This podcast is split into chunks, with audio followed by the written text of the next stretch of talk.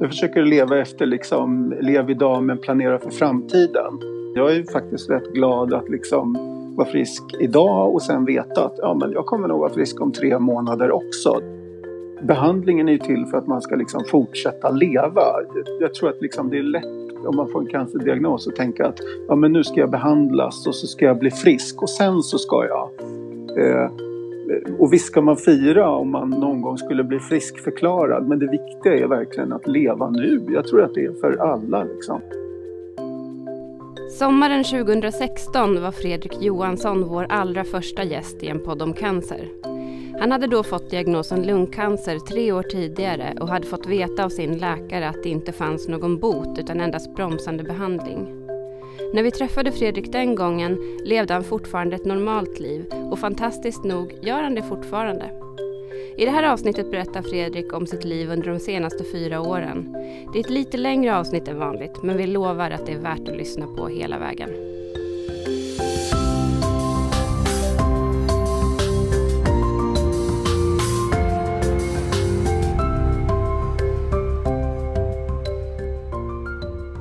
Då idag har jag med mig Fredrik Johansson som faktiskt var den första som gästade podden 2016 när vi drog igång. Eh, välkommen Fredrik, ska jag börja med att säga. Tack! Det är jätteroligt att ha dig med. Inte här kan jag inte säga, för jag har inte dig här, utan jag har dig på, på Facetime, som man håller Just. på nu för tiden. På länk. På länk. Fredrik är på länk. Eh, absolut. Eh, men, men du är ändå här på något sätt. Jag ser ju dig. Du sitter där bredvid din fikus som vi just har gått igenom här, att den är så fin. Just det. Trädet alltså, bredvid dig. Ja. Eh, när du var här 2016, då hade du precis blivit pappa. Eh, och du gick på behandling för din lungcancer. Eh, mådde väldigt bra, kommer jag ihåg. Eh, kommer jag ihåg det som. Eh, men jag tänker, då alla kanske inte har lyssnat på det avsnittet och inte känner till dig. Så jag skulle egentligen vilja börja med att bara höra lite kort sådär för de som inte vet vad, vad som hände när du fick din diagnos. Vad, hur länge sedan är det och, och sådär. Om du kan berätta mm. lite. Eh, ja, precis. Jag är, Fredrik, jag är född 1978 eh, och när jag var 35 år, 2013, då fick jag alltså um, Eh, beskedet av en läkare efter, lång, eller efter en utredningsfas att eh, Fredrik, du har lungcancer och vi kan inte bota dig. Um, och det var november 2013 och det var liksom starten på den här resan då. Det är ju snart sju år sedan. Mm. Bra precis i år. Ehm, och eh, innan det, jag hade varit eh, bra tränad, jag och min fru var hälsomedvetna, hade hängt på hälsotrender och liksom inte rökt och um, sådär. Så att man kände liksom att det här kom verkligen från det blå. Mm. Um, sen då fick jag sedermera veta, uh, man gjorde inte sån här mutationstestning reflexmässigt på den tiden. Eh, men man testade mig och det visade sig att jag hade en EGFR-mutation mm. och den kunde pillerbehandlas. Så att, men jag var igenom eh, jag har varit igenom en lång rad behandlingar med cellgifter och, och sen målinriktad terapi då, och sen eh, eh, cellgifter igen och sen så eh, Ja, det var väl ungefär tre år eh, och sen så slut, sen så det var senast vi hördes där 2016. Mm, mm, mm. Ja, så på den vägen det och det är självklart omtumlande. Det var, jag menar vi skaffade barn i hela den här vevan och det eh, som man säger, liksom, nästan ett avsnitt för sig, hela den mm. liksom, resan vi gjorde och liksom som ett parallellt spår som var helt overkligt men vi fick till det och ja, det har varit otroligt. Nu är min son fyra år gammal och liksom mm. man interagerar och vilken fantastiskt att, att liksom vara med om det och, mm. och hela det. Och vi lever rätt, ett rätt normalt liv just nu. Vi, mm. vi bor på Södermalm i Stockholm, jag och min mm. fru och vårt barn. Mm jätteroligt. Jag tänker att vi, även om det är ett avsnitt i princip för sig, att gå in på liksom skaffa barn i den, vid den tidpunkten och sådana där saker, så kommer jag kanske vilja prata lite om det. Men jag skulle bara vilja börja med, för när, jag, när du var här så kommer jag ihåg att du, ett av de starka minnen jag har från den gången, var att du var väldigt så här, kämpavillig och du var liksom nästan så här, du berättade liksom om cancern som en fiende som du skulle bekämpa och liksom det var en tävling nästan och sådär. Eh, om jag skulle fråga dig idag, liksom, vad, vad ställningen är, Fredrik lungcancer? Mm. Jag tror att jag kan, jag kan nog verka rätt lättsam som person. Eh, och jag tror att det är liksom en försvarsmekanism nästan hos mig. Eller kanske ett drag, liksom, att jag försöker avdramatisera saker och, och mm. liksom bara är optimistisk. Men det, det, är nog bara så jag är. Liksom, att, och jag, jag, jag, ser det på det sättet också, inte så att det är någon fasad, utan jag är, jag är verkligen liksom dumglad på något vis. Eh, och, men, men, sen förstås, jag är smärtsamt medveten om hur det här kan gå. Ibland trillar till och med jag in liksom, i det där mörka mm. hålet av depression. Men mm. jag försöker verkligen hålla mig därifrån och ja, jag, jag försöker verkligen se, se ljust hela tiden. Liksom aldrig, eh, ja, alltid mm. en kamp. Det är liksom, får jag progression då är det bara att hitta liksom eh, nästa grej som att sätta emot. Mm. Så ser jag det liksom. Mm. Loppet är inte kört förrän liksom, loppet är kört. Mm. Eh, För när du var här så, vi pratade ju såklart en del tankar om framtiden, men du var ju väldigt mycket så här, man lever nu, liksom, eller jag mm. försöker leva nu. Eh, mm. och, och, så, som du berättar nu egentligen också. Kunde du tänka dig för fyra år sedan att du skulle sitta här idag och må som du mår nu? För jag gissar att du eh. ändå tänkte lite så, även om du försökte vara i nuet. Ja, precis. Det är liksom... Eh, jag försöker leva efter liksom, lev idag men planera för framtiden. Så jag vet inte hur långt liksom fram eh, min horisont liksom ligger i planeringen men jag är faktiskt rätt glad att liksom vara frisk idag och sen veta att ja, men jag kommer nog vara frisk om tre månader också. Det är liksom eh, ja, behandlingen är ju till för att man ska liksom fortsätta leva. Mm. Jag tror att liksom det är lätt om man får en cancerdiagnos att tänka att ja, men nu ska jag behandlas och så ska jag bli frisk och sen så ska jag och visst ska man fira om man någon gång skulle bli friskförklarad men det viktiga är verkligen att leva nu. Jag tror att det är för alla. Liksom. Skjut inte upp det där gröna kortet i golf till du är liksom pensionär och har tid utan vill du göra det så gör, gör det nu. Och sen tror jag också att det, det är viktigt att liksom aldrig bli ett offer i det här. Mm. Att, att, att liksom inte, ja men stackars mig, tänk på att jag har cancer liksom. Jag kan inte, stackars mig för, för min del, det, visst, det är säkert synd om mig och så, men, men jag, är inte, jag är inte intresserad av, av, av liksom att göra det, utan eh, jag vill liksom, mm. jag, jag, är inte Fredrik med cancer i första hand, utan jag är Fredrik systemutvecklaren eller Fredrik Fredrik. Mm. Eh, och jag tänker liksom att ja, ja, och, ja, vi mm. alla, alla ni som lyssnar, du ska fan ta det här, kom igen nu. Liksom. Mm. Tryck på, det är, mm. ja, nu gör vi det här. Mm. Och det, man blir ju, får ju gåshud på riktigt, att det blir så himla det är ju fint och starkt liksom. Jag bara får en känsla som jag fick, jag kommer ihåg jag fick det då också, att hur bara i helskotta gör man det då? Liksom? Det är ju så... Är det bara för att du är så då? Eller kan man liksom lära sig att tänka så?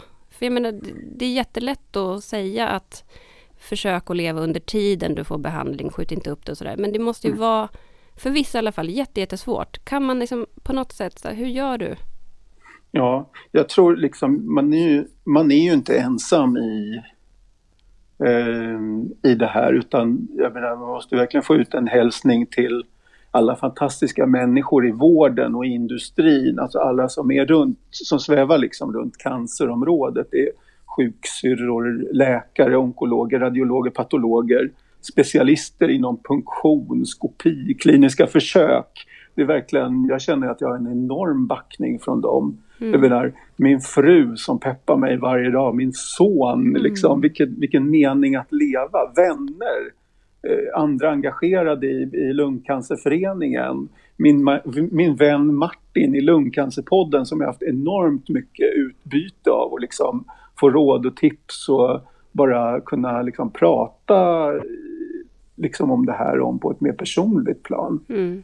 Och sen så tänker man förstås på liksom alla vänner som man har som har träffat, man har peppat varandra och mm. som kanske inte finns mer. Eh, och liksom göra det för dem också, att liksom, ja men Nej, vi ska fan ta det här liksom. Mm. Det, det, ska bli ändring på det här. Det måste vara så att, mm. att, uh, att det här är som hiv i liksom början mot slutet av 80-talet. Att de som liksom fick en viss typ av det här kan liksom ta sig 20-30 år. Liksom. Mm. Det, det måste vara en vändning, vi måste vända det här. Mm.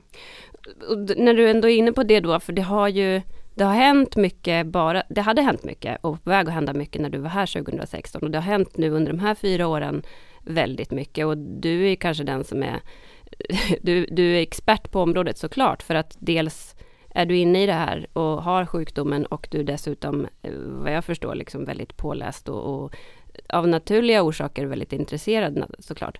Eh, har det under de här åren varit sådana här situationer där du liksom har upp, upplevt nya behandlingar som har blivit en liksom räddning för dig direkt sådär att nu?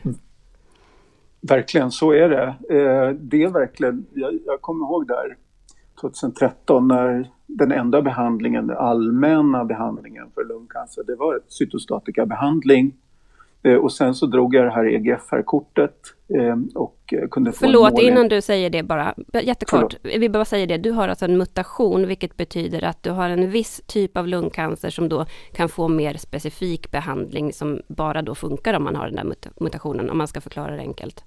Ja, ja. precis. Ja, förlåt, fortsätt. Så, eh, nej men visst, eh, och jag drog det här EGFR-kortet och, och jag kunde behandlas med mål målriktad behandling. Det var ett piller om dagen. Det var ju fantastiskt redan då. Men det var också den enda liksom, målinriktade behandlingen som fanns 2013. Och det har verkligen eh, runnit mycket vatten under broarna sedan dess, det har det. Mm. Eh, och, och, jag och eh, min kompis Martin då, vi drog igång eh, Lungcancerpodden 2016. Det var ungefär samtidigt som vi hördes mm, där mm. I, i podden. Eh, och eh, jag menar bara den, vi poddade i två, tre år tror jag och genererade 50 avsnitt. Och under den tiden så verkligen var det, eh, alltså det var ju en IT-boom av liksom nya läkemedel som bara forsar fram. Och det är fortfarande, det är verkligen, jag tror att vi är på början av den här vågen som är på gång att liksom skölja över. Och man ser hela tiden nya terapier för olika mutationer och för liksom generellt för lungcancer som är väldigt effektiva. Så att, det är ju det är skräckblandad förtjusning får man säga. Mm, mm. Var i den här mm, liksom, vad ska man säga, djungeln av alla behandlingar och varianter är du just nu? Eh, jag kan ta det lite ett kondensat från början. Där ja, absolut, det får du jättegärna göra. Mm. Då hade jag varit på eh, cytostatikabehandling och jag, hade, jag gick ju på den här TKIn då, eh, mm. där när vi sågs. Um, jag for, eller nej, jag var på, nu ska vi se här. Jag fick nog en cytostatikabehandling efter det, så jag var på cytostatika när vi sågs. Mm, det var du. Mm. Det kommer jag ihåg. Du hade gått tillbaka um, till en annan, ja, mm, mm. Alimta men med någon ny platina-variant. Mm, ja, just det. Och jag var där på cytostatikabehandling hela 2016 men sen så fick jag progression våren 2017 och då gjorde man en sån här Next Generation Sequencing. Eh, patologen, funktionsmästaren eh, tog ut, eller inte, ja men vad heter det, Sys? Cystologi? Cytologi. Cytologi, ja. Om du inte var i urinblåsan? Nej, det var det Nej. inte. Det var ju ryggraden tror jag. Man, ja. man tog en nål och så punkterar man tumören och så får man ut en, en stans av eh, tumören och då hittar patologen, eh, vävnadsexperten, hittade eh, att jag både hade EGFR och en annan mutation som heter KRAS. Mm. Eh, och eh, ja, det var, det var någonting rätt nytt då. Jag tror liksom, det var nästan vedertaget att man inte kunde ha mer än en mutation åt gången. Mm. Så att, men då precis i början, jag tror, jag tror att fler, det har liksom poppat upp fler människor som har flera mutationer sedan dess och det kanske inte är så ovanligt nu. Mm. Eh, Men, eh, men eh, ja, där i alla fall, jag hade progression och då hittade man en ny TKI eh, som tog mot mig, en målinriktad, så jag kunde ta ett, ett piller om dag. Och då var faktiskt, eh, då halkade jag in på den genom en klinisk studie. Eh, här någonstans så bodde jag i Lund hela 2017 och eh, jag flyttade också upp till Stockholm igen. Jag hade en fantastisk läkare och många bra sjuksyrror och engagerade i Lund. Och, och jag fick en jättebra läkare nu i Stockholm också så jag var verkligen mm nöjd. Men jag fortsatte med TKI här i Stockholm. Och dessutom satte jag igång med strålning mot en ryggkota då som var påverkad och det hade gått in i liksom med benet på mig. Mm. Eh, och den där första strålningen, det ska ju inte kännas men olyckligtvis så strålade man på en nerv så att jag fick verkligen eh, enormt ont av den strålningen. Mm. Eh, men sen andra strålningstillfället var ingenting så att eh, ja, jag antar att det kan vara lite men det var precis vid liksom, tillfället, det var inte något som var kvarstående? Det kom dagen efter liksom ja. och sen gjorde det ordentligt ont i i ett par dygn har jag för mig. Mm.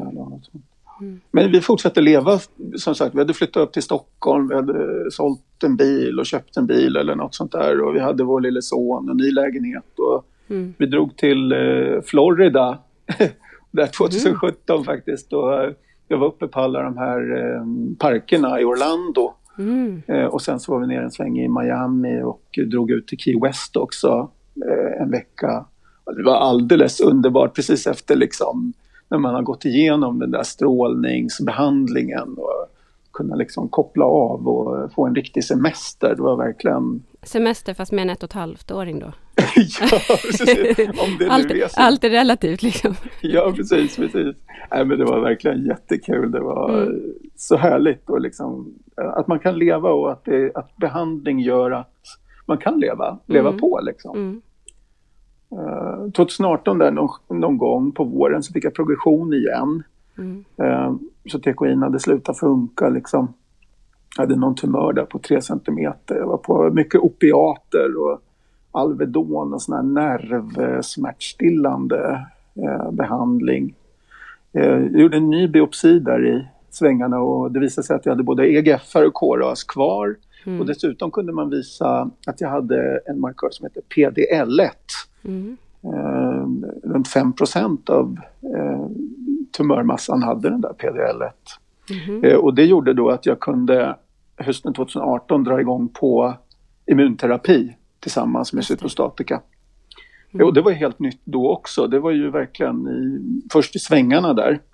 För det gör man eh. alltså, förlåt, man gör alltså då om de här mutationsanalyserna när det kommer nya metastaser för att se, för det kan alltså vara så att de här mutationerna inte finns kvar i metastaserna så att säga. Det kan vara nya uttryck. Ja just det och jag tror det liksom cancer är nu är jag självlärd expert, alltså verkligen en Ja precis, jag, fråga, jag, jag frågar dig. Jag, ja precis, det är du som är experten och jag är... Nej men jag är ju liksom- inte det. Nej men okej, okay.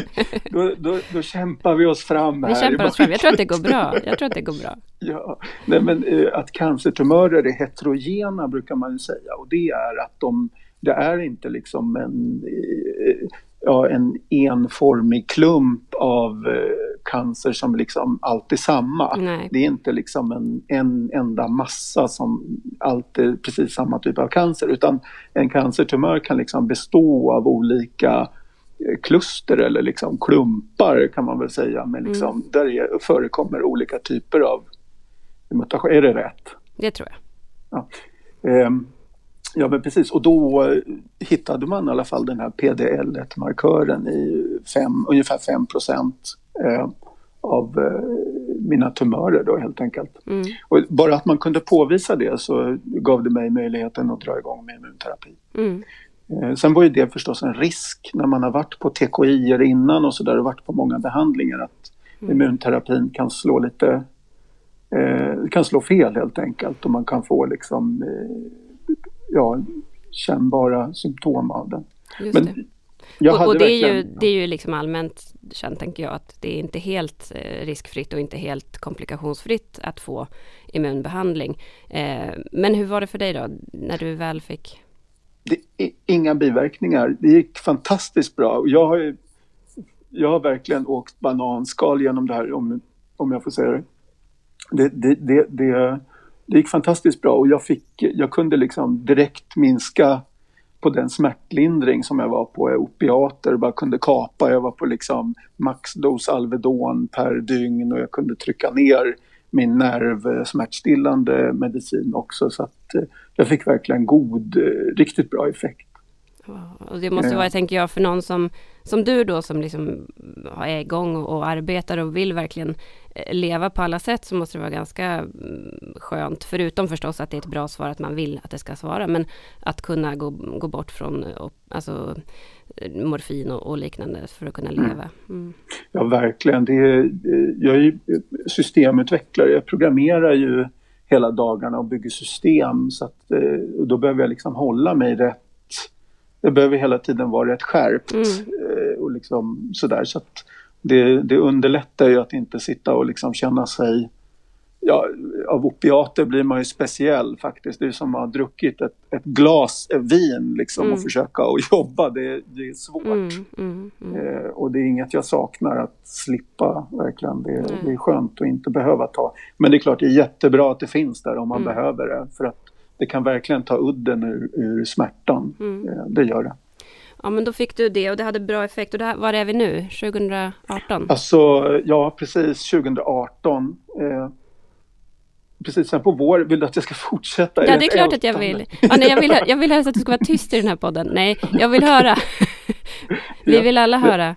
Ja, jag vet inte om det är så intressant men eh, våren 2019 där, då i alla fall, jag hade nästan komplett respons. Det såg väldigt bra ut.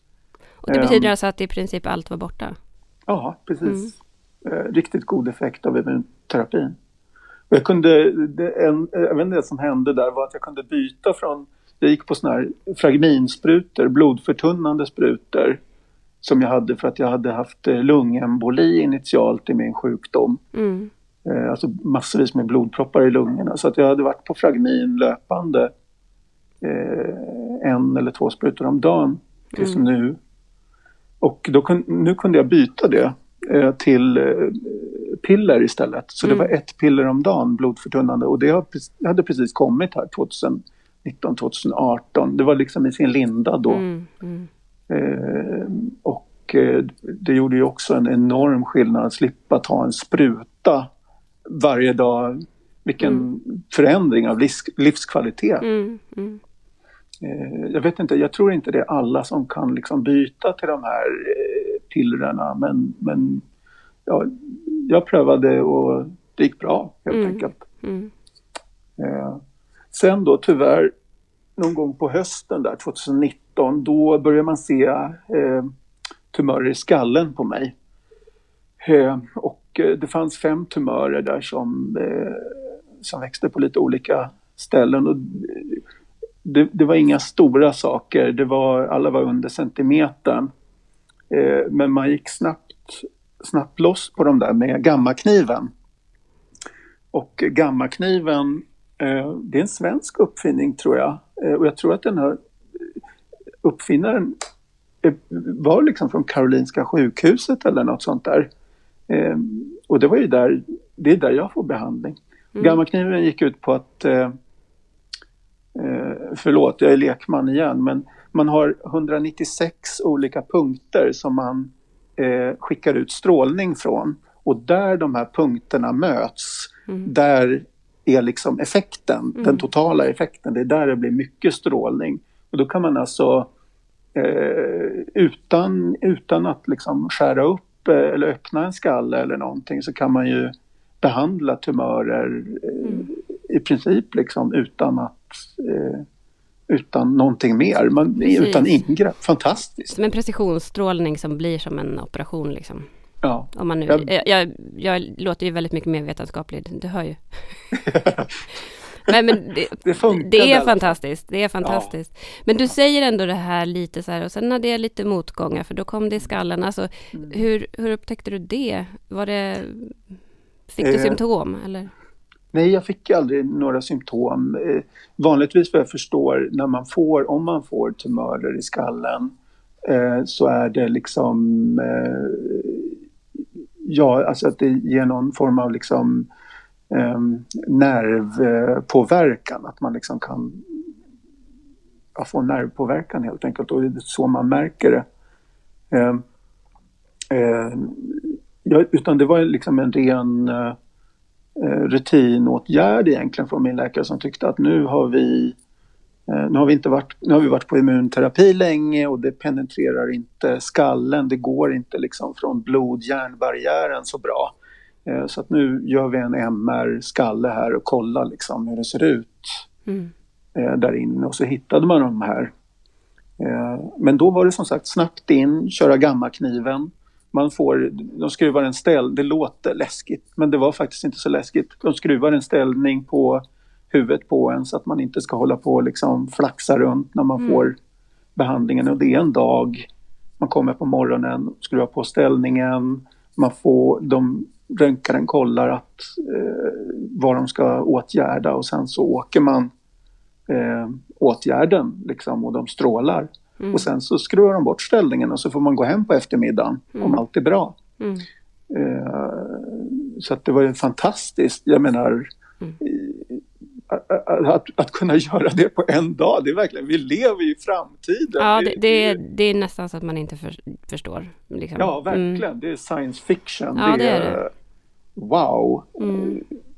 Och uh, Nej, jag hade, jag hade god effekt av den strålningen också. Så alla de här fem tumörerna gick tillbaka i skallen.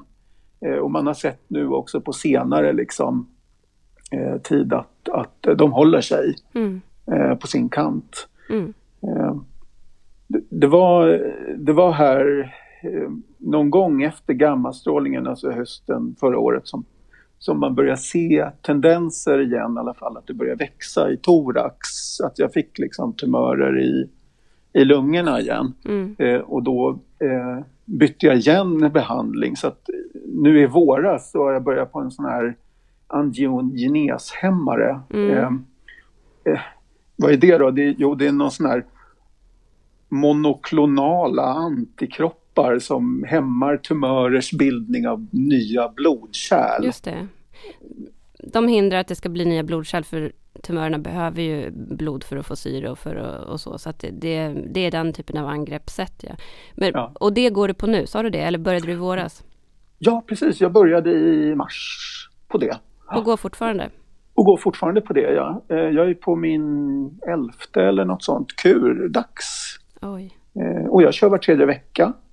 Eh, och det går jättebra och så inga biverkningar, eller som jag liksom, som är vad jag vet. Det är bra effekt och du har inte biverkningar? Ja. Okej, så nu läget är liksom i din kropp stabilt? Ja, stabilt. Liksom, eh, jag har någon eh, liksom tumör där fortfarande i ryggraden eller som sitter liksom bak mot det här rebenet och, och kotan och sånt. Men eh, den har liksom, ja, man kan inte riktigt liksom se om den, den håller sig i alla fall på sin kant. Mm. Och den växer inte och den snarare minskar då. Eh, men jag är rätt säker på att när jag, när jag väl kommer få progression igen, för det får jag ju till slut, att, att då kommer jag känna det rätt fort. För jag känner den här, eh, liksom jag får ont i den kotan eh, det har liksom stämt varje gång att, mm. att det är då det liksom börjar spöka igen. Så då har man liksom ett tidigt tecken på att ja, men nu är det dags att börja mm. fundera på nya terapier och vad finns och sådär. Mm. Blir det att du går och känner efter där och är liksom uppstressad över det och, och, tänker på det? Eller är du nu så pass liksom lugn i det här att du bara kan... Mm. Ja, jag, jag, tror att jag är rätt lugn i det. Jag menar, jag, återigen, jag tror jag tänker inte så mycket på det. Alltså det, är, det är någonting jag måste liksom hantera. Men jag menar, jag, ja, min son är fyra år, liksom kräver massvis med uppmärksamhet och man har massvis med, med andra saker för sig liksom, mm. i livet. Så att, eh, jag vill inte att det ska ta mer plats än det behöver göra.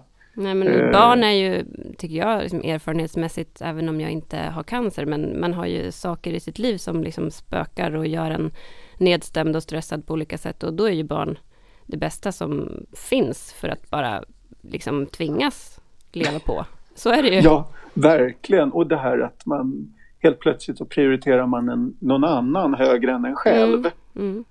Det är slående med barn tycker jag. Att det, Nyttigt det, är det ju. Mm, jätte! Speciellt för mig som, jag brukar alltid säga att jag har liksom, jag har jag har verkligen hybris eh, och kan, liksom bli, kan bli självupptagen sådär. Jag försöker liksom jobba med det som mig själv som människa och då har ju barn varit underbart mm. eh, i det faktiskt. Men tycker du att det är underbart så tror jag, då, då är det ändå, då har du gott hopp. Om du, annars skulle ja. du tycka att det var för jobbigt att det var någon som tog uppmärksamheten. Ja, det är väl så. Men, men du, jag tänker bara på så här, du, du, ni skaffade alltså barn, då hade du ändå fått, nu ska vi se, du hade haft lungcancer i ett par år. Mm. Mm. Ja, det hade jag haft i tre år. Ja, just det. Två, tre år. Ja. Var det liksom ett lätt beslut att fatta att skaffa barn? Det, det var det. Mm. Det var det. det var, jag hade, in, när jag blev sjuk precis, då hade jag fått eh, eh, frysa in mina killar eh, mm. innan, eftersom jag skulle få cytostatikabehandling. Eh, och eh, det var också den enda fråga som min fru hade med sig till eh, det här liksom, krismötet. Mm. Um, som vi hade där precis efter jag hade fått mitt besked och min familj var där och vi fick liksom diskutera igenom allt det här med sjuksköterska och, och, och läkare. Um, så att uh, det var kanske inte det första jag tänkte på när jag började få behandling och liksom, men sen när det gick bra för mig Mm. Jag, hade fått den här första TKIn och det gick bra. Jag hade ju total respons. Min läkare satt och scrollade där i mina Eh, eh, DT-bilder mm. och så frågade han, men vad, hur ser det ut nu? Har det gått ner något? Har det... Så sitter han där och så eh, och det en, var en rätt prominent läkare, jättebra läkare men han var verkligen ja, häftig så. Och han liksom, ja Fredrik, jag kan inte ens, jag hittar dem faktiskt inte. Mm. Det var fantastiskt och, och, och, då kände vi väl liksom att vi vill fortsätta med livet. Mm. Eh, vi tyckte också liksom att Eh, ja, det är inget konstigt. Vi lever i en värld när det faktiskt inte är något konstigt att till exempel samkönade skaffar barn eller ensamstående mammor mm. skaffar barn.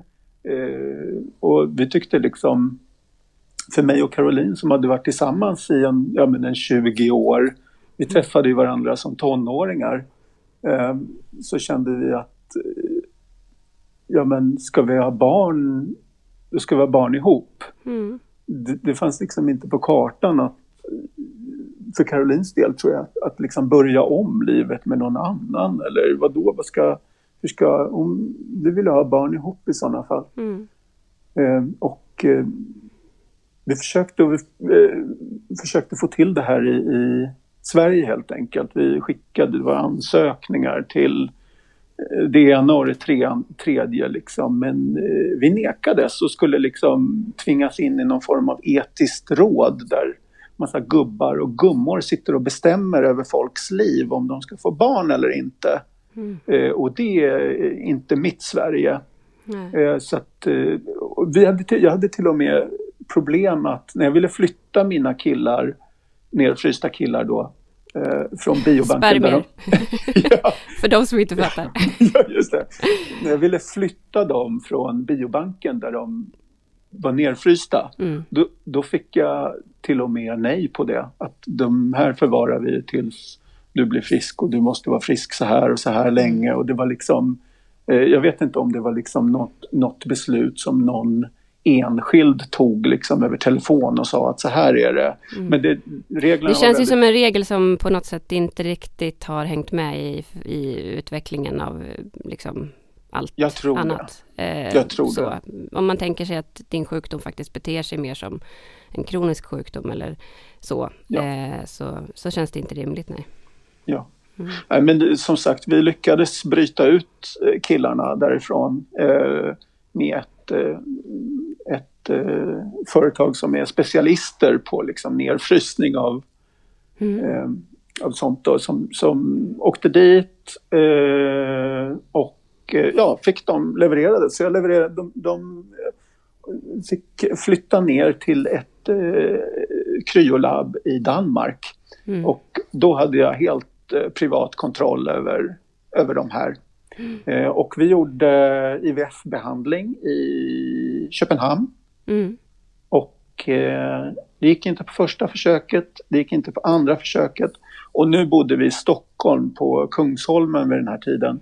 Och vi körde ner till Danmark mitt i november i liksom snöstorm mitt på natten.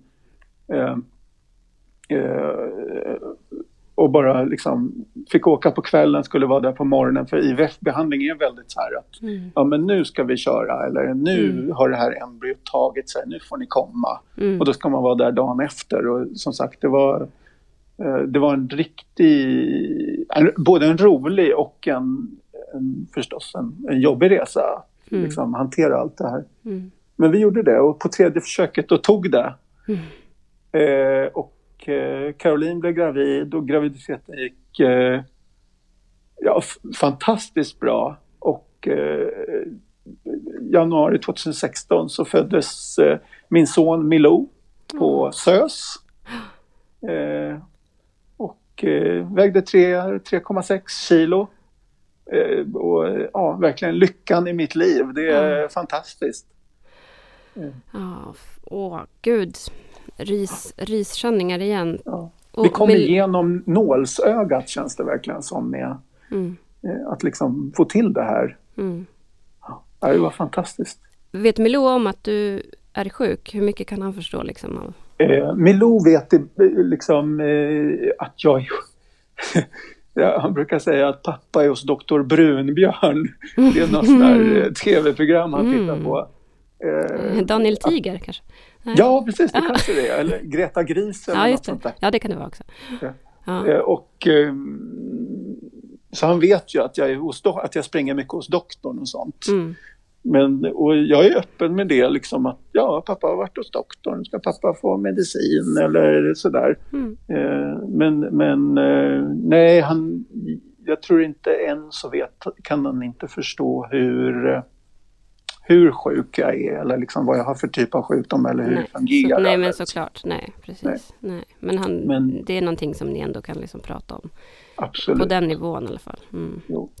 Nej och det, det, är ju, det är klart att det är en ångest för mig att liksom känna att jag liksom kanske inte alltid kommer kunna eh, liksom vara med min fru och eh, mitt barn i all framtid och liksom hjälpa dem med allting som jag som jag vill och liksom vara far och make och eh, kunna stödja det. Men, och det är klart, det är en, en liksom ångest som sköljer över ibland. Men samtidigt så, så är det, det är väldigt många barn som växer upp med en förälder. Eller liksom, som det går väldigt bra för ändå. Så jag, jag tror liksom att den här kärnfamiljkonstellationen som man någonstans har som någon sorts, liksom, man har blivit ibankad i en under ens uppväxt. Den, den finns inte utan liksom växer man upp med en bra förälder som bryr sig om en, då är det det som spelar roll. Det är inte det här att man har en mamma och pappa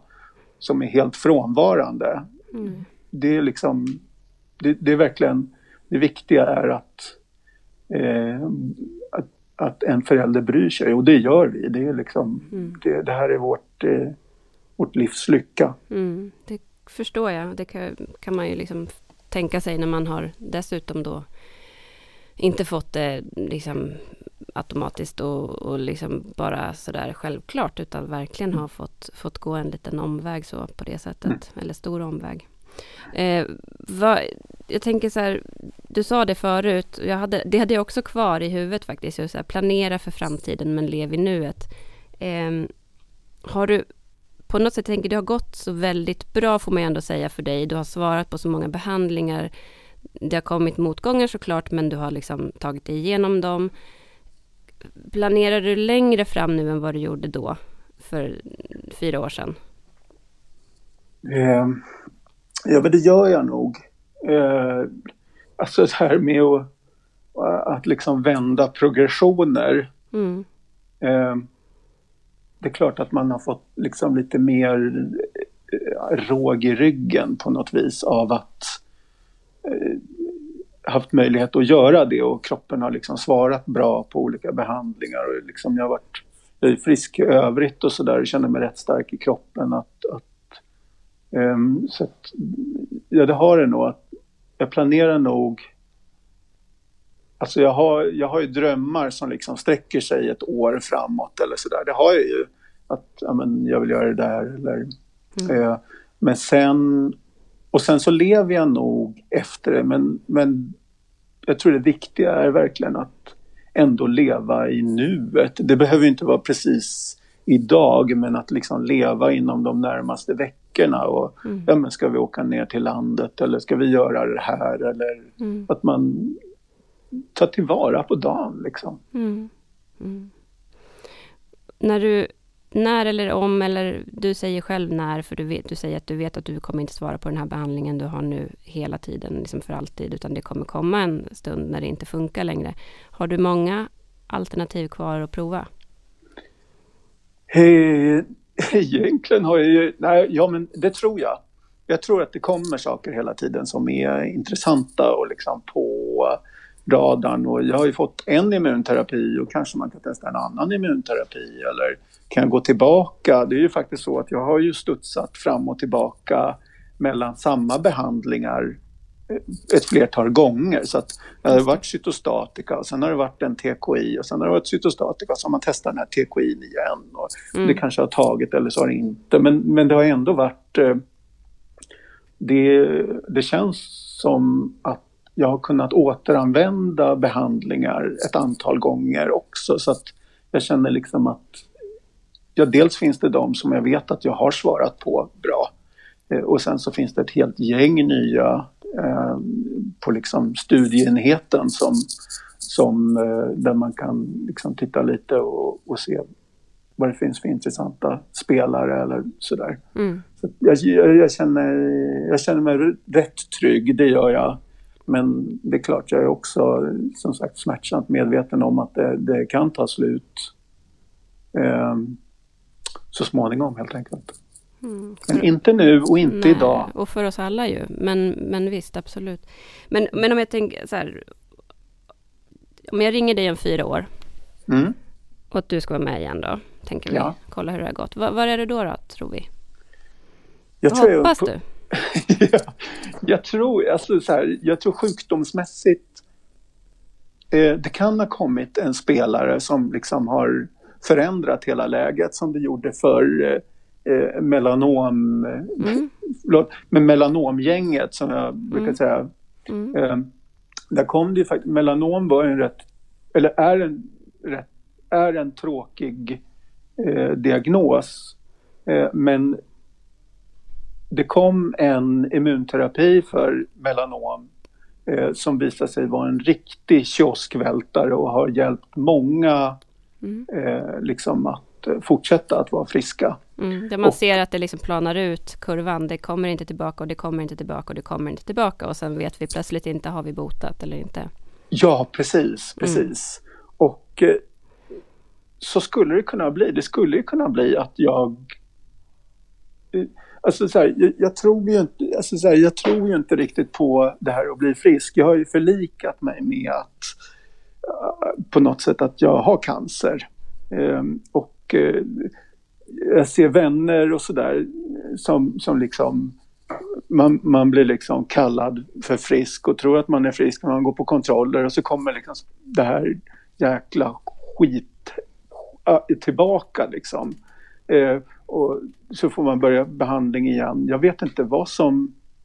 Alltså blir man någonsin frisk egentligen? Jag vet inte jag hoppas att, att eh, när vi pratar om fyra år att jag har varit på eh, liksom någon form av eh, eh, terapi som, har, som ger mig långvarig respons och att, att eh, jag är där då. Liksom. Kanske att jag har varit utan behandling ett tag och att det har gått bra men, men progression igen och så håller det på så här. Mm. Eh, det hoppas jag. Mm. korta perspektivet då? Nu to-do-listan närmsta veckorna ja. Eftersom du lever i nuet och tar tillvara på allting. Vad, vad ska ske när, under hösten? Om vi säger så, vad, vad, vad, ska du göra under hösten? Vad är planen?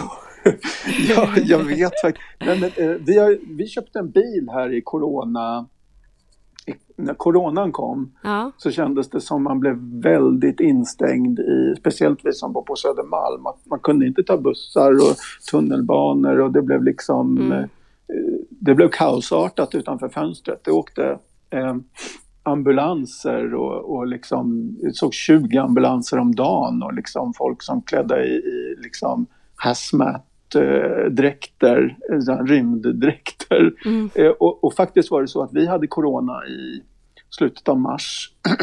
Mm, hela familjen? Ja, precis. Vi har inte fått konstaterat antikroppar men, men eh, det, vad kan det ha varit? Eh, det måste ha varit det helt enkelt för både min son och min fru hade alltså uppe i 41 grader feber och det där höll i sig i sju dygn och de bara sov och sov och hostade och hostade och hostade. Eh, och till slut så gick locket och de fick faktiskt åka ambulans in till sjukan och liksom. Fy. Eh, ja, det, ja, det blev verkligen. Blev de inlagda? Nej, de blev inte det. De mm. fick eh, gå hem och kurera sig. De var inte tillräckligt sjuka. De kunde ju ta sig dit eller liksom gå, stå fortfarande sådär. Men det var en otrolig hosta och när ens barn har haft varit så sjuk i så många dagar, då, liksom, då till slut så kände jag att nej, nu rycker jag i snöret så får vi liksom... Det här måste vi verkligen kolla. Men de blev ordentligt kollade och sånt. Och det var misstänkta lunginflammationer men det var viralt så att det gick väl inte att... Mm. Det, men var, var, du sjuk också mm. i den vevan? Alltså ja, ja precis. Eh, det var jag. Jag hade inte lika tunga symptom som dem. För att jag var på en jag var då på en, eh, eh ska vi så, på en hämmare som, som liksom fungerar ungefär som ett kortison, avsvällnande. Mm. Och eh, så att jag fick och liksom... fick kanske kortison också i samband med behandlingarna eller? Eh, nej, det fick jag inte. Nej, men den här nej. behandlingen funkade verkligen mm. bra. Jag kände att det liksom, det tog inte på lungorna på mig så som det gjorde för min fru och mm. barn då. Mm som verkligen blev hostiga sådär. Mm. Usch vad det lät. Eh, och hosta upp grejer som man inte vill liksom säga på radio. Nej, jag förstår. Det är inte ja. bild i alla fall. Men, ja. ja, nej. jag tänkte om du... men, men förlåt, det var jag som började snöa in på det där. Men ni köpte en bil. Och ja, i alla fall i den här vevan. Mm. Så att vi blev väldigt mobila och känner att det har varit liksom, nu har vi kunnat, man har kunnat åka liksom ut, ut till kusten och var, liksom, var på kusten och ja, kunna ta sig liksom, till eh, semestermål eh, i närområdet i alla fall, i Stockholmsområdet. Så, där. så det var en fantastisk liksom, frihet som har öppnat sig. Mm. och nu när vi känner att vi är liksom säkra på att vi har haft corona så jag känner, vi känner oss liksom inte rädda för det men det är klart att man är fortsatt försiktig och liksom mm. aktsam för andra människors skull. Att, mm att eh, man vill inte att någon ska få det här för att det mm. vi hade det var, in, det var liksom inget roligt att få så, jag hoppas ingen annan att alla, alla andra slipper det verkligen. Mm, mm. Eh, men, så men ni gör liksom små, små utflykter och njuter ute i naturen? Liksom. Det är... ja, ja, faktiskt. Och, och, mina föräldrar har ett landställe nere i Småland och dit planerar vi väl åka en vecka eller så i, under hösten och kanske att vi åker ner till Skåne och hälsar på även Karolins föräldrar. Vi mm. saknar också den delen av släkten väldigt mycket och, och, mm. och, man känner verkligen den här, man saknar eh, jag menar, jag har inte träffat mina föräldrar fysiskt sedan januari eller något sånt där. Mm. Man känner den här, i coronans spår tycker jag att man känner den där verkligen saknaden mm. av kontakt mm. som eh, inte har funnits för Det är nästan sådär som eh, om man har varit ensam länge och liksom saknar en kram. Att, mm. eh, det, det blir så. Ja, verkligen, mm. verkligen. Så att, eh, det vore roligt att, att liksom träffa folk oavsett om man inte kan just kramas och så, men att i alla fall liksom mm. träffas. Och nu tycker vi att liksom, coronan verkar ju liksom tappa lite fart i, Sverige så kanske att man skulle våga det mm. i, under övervägande helt enkelt. Just det. Ja men det låter väl jättemysigt. Jag tänker sådana saker det är väl också typ det mest mysiga man kan göra med en fyraåring. Liksom åka runt på små olika utflykter och hälsa på folk och så. Det, det passar väldigt bra för den åldern. Mysigt Verkligen. Ja. Du Fredrik, jag, jag, skulle kunna fortsätta hur länge som helst tror jag nästan, för det finns så mycket att fråga om och så himla roligt att höra och jag blir, jag blir inte alls ledsen utan jag blir bara jätteglad när jag, jag ser ju dig också nu på skärmen här, men ser och hör dig. För det är fantastiskt och jag, jag kan inte säga att du, jag vill inte säga att du är duktig liksom, för det här är någonting du bara har, tror jag, att du kan, ja. kan förhålla dig på det här sättet och göra som du gör. Det är inte duktigt eller oduktigt och vi är alla olika, men det är så fantastiskt att få ta del av och man blir ju liksom inspirerad och känner liksom att det sprider sig på något sätt, ditt förhållningssätt. Det är mm. fantastiskt och så roligt och du ser nu ser inte alla andra dig, men du ser ju fantastiskt liksom, frisk och glad ut. Och det tycker jag är så kul att se. Så jag Tack. räknar blankt med att vi hörs om fyra år igen. Vi kanske ja. hörs innan dess, men, men att du kommer med i podden igen. Och det, det mest osäkra är väl om jag fortfarande jobbar med podden då, men vi hoppas. vi hoppas det. du, tusen tack för att du tog dig tid. Tack för att jag fick vara med. Och tack till alla er som lyssnat. Vill ni lyssna på oss igen finns alla avsnitt tillgängliga på vår hemsida www.enpoddomcancer.se eller i din mobilapp där du lyssnar på poddar. Om du vill komma i kontakt med oss finns vi på mejladressen enpoddomcancer.akademiska.se. Hej då!